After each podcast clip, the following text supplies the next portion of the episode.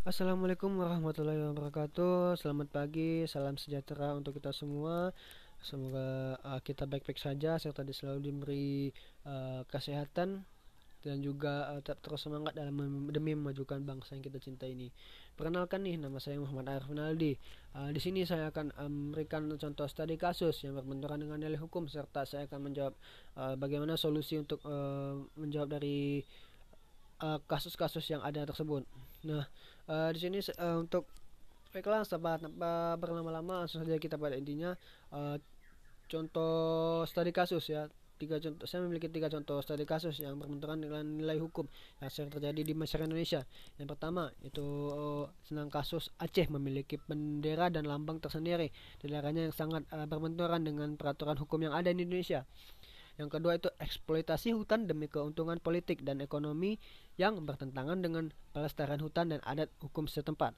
Yang ketiga, ketidakadilan hukum bagi masyarakat kecil seperti kasus pencurian sendal jepit dan kasus pencurian tiga biji kakao yang dilakukan oleh Bumina yang nilainya tidak lebih dari 10 ribu. Kemudian ia difonis 1,5 bulan penjara. Ini tentu tidak adil dengan para koruptor yang sangat merugikan negara kita. Terlepas dari ceratan hukum, uh, mendapat hukuman ringan bahkan uh, para terpidana kasus korupsi mendapatkan fasilitas-fasilitas yang mewah di masa di penjara. Nah, uh, bagaimana nih cara untuk uh, solusi untuk menyelesaikan kasus-kasus tersebut? Nah, di sini saya akan uh, memberi solusi terhadap kasus-kasus tersebut uh, dengan sesu yang sesuai dengan uh, kaidah Gustav. Nah, uh, untuk uh, kasus yang pertama itu untuk uh, mengenai Aceh yang memiliki bendera yang dan lambang sendiri. Maka solusi dari saya yaitu dengan mewujudkan keadilan, uh, kepastian dan kemanfaatan hukum di dalam Konun Aceh nomor 3 tahun 2013 tentang bendera dan lambang Aceh diperlukan upaya dari dari semua pihak.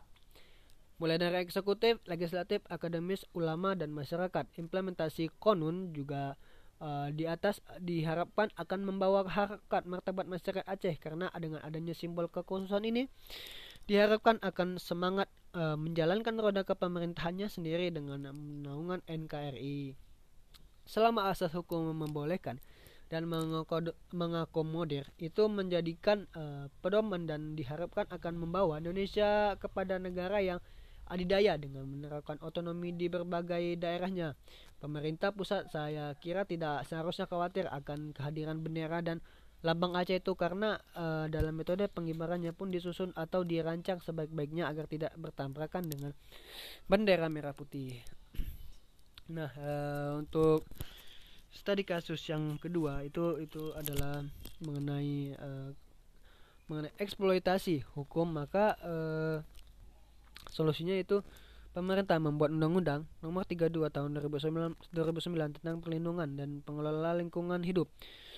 Penegak hukum menjadi rambu dari penegakan uh, peraturan perundang-undangan tentang pelingkungan sehingga subjek hukum memiliki izin eksploitasi hutan dapat uh, selalu mawas diri akan aktivitasnya. Mengingat eksploitasi hutan kerap terjadi pada wilayah adat, maka pihak uh, seperti eksekutif, legislatif, yudikatif dan perangkat yang adat perangkat adat yang ad, yang ada di daerah setempat uh, dapat membicarakan uh, wilayah mana aja nih yang boleh dan tidak boleh untuk dieksploitasi. Hal ini uh, yang mendukung terselenggaranya kepastian hukum dalam rangka pengelolaan lingkungan yang berwawasan lingkungan. Nah, untuk yang ketiga, uh, mengenai kasus pencurian sendal jepit dan kasus pencurian tiga biji kakao. Ini harus dilihat dari segi teori hukum tentang keadilan dari Gustav Ranbridge uh, dan John Rowe dan uh, teori sosiologikal uh, jurisprudence yang uh, dikemukakan oleh Eugen er Erlitz dan uh, Roach Pond serta juga diperhatikan undang-undang uh, kekuasaan kehakiman itu sendiri yaitu terdapat pada Undang-Undang Nomor 48 Tahun 2009 2009 uh, sebenarnya uh, sudah diatur secara tegas uh, dan jelas bahwa hakim harus menegakkan hukum yang adil dan uh, berdasarkan Pancasila bagi seluruh rakyat Indonesia. Hakim harus uh, menggali, mengikuti dan memahami hukum dan nilai-nilai keadilan yang ada dalam masyarakat. Putusan hakim harus bisa merestorasi keadaan serta menyeimbangkan hukum dengan kebutuhan hukum masyarakat. sehingga penegakan hukum uh, yang tercipta diarahkan uh, pada upaya mengukuhkan hukum dan kepastian dengan mengharmonisasikan kebutuhan hukum dalam masyarakat itu sendiri dan juga proses peradilan seharusnya tidak hanya menerapkan bunyi dari pasal-pasal yang ada melainkan uh, bekerja dengan modal empati dan keberanian dalam uh, realiti kehidupan pada masa globalisasi ini fungsi hukum sebagai sarana pengintegrasian berbagai uh, kepentingan yang ada dalam masyarakat belum bisa diwujudkan. Struktur uh, peradilan juga uh, yang formalitas belum bisa memberikan keadilan bagi rakyat kecil.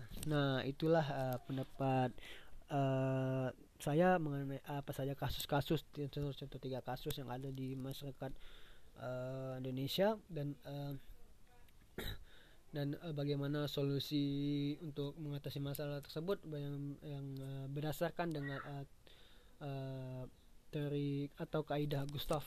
Nah, itu yang dapat saya sampaikan. Lebih dan kurangnya mohon maaf. Uh, Bila taufik walidaya. Wassalamualaikum warahmatullahi wabarakatuh. Selamat pagi. Sampai jumpa.